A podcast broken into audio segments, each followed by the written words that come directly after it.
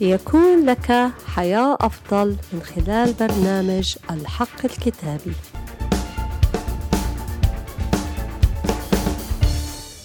حقيقة اليوم الكتابية بعنوان هويتي في المسيح. هويتك في المسيح لا تتمحور حول ماذا صنعت في هذا العالم أو ما درست في الجامعة أو ما تملك بيوت أو ما في البنك من حساب حقيقة اليوم تؤكد لنا عن هويتنا في المسيح ليست من أعمالنا، لكن بعمل المسيح الفدائي. خلال الأسبوع الماضي شاهدت فيلم مسيحي اسمه The Overcomer أي المتغلب. هو عن قصة فتاة تعيش مع جدتها لأنها خسرت أهلها من صغر.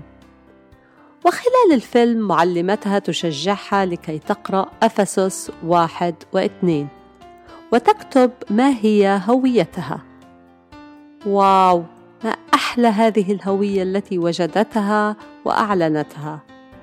وهذه الهوية لكل الذين قبلوه أنا وأنت. في المسيح أنا ابنة الرب.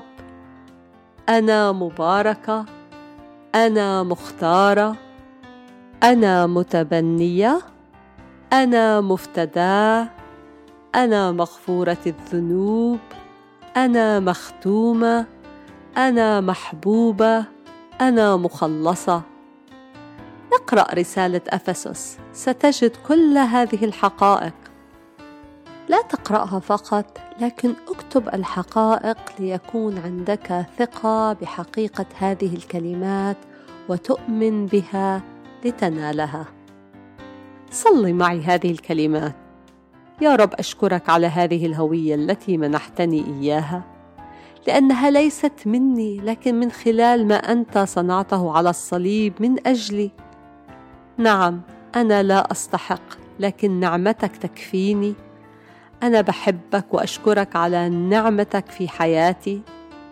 أشكرك لأنك سمعت واستجبت. باسم الرب يسوع المسيح. آمين آمين. يبارككم الرب في حلقة جديدة من برنامج الحق الكتابي.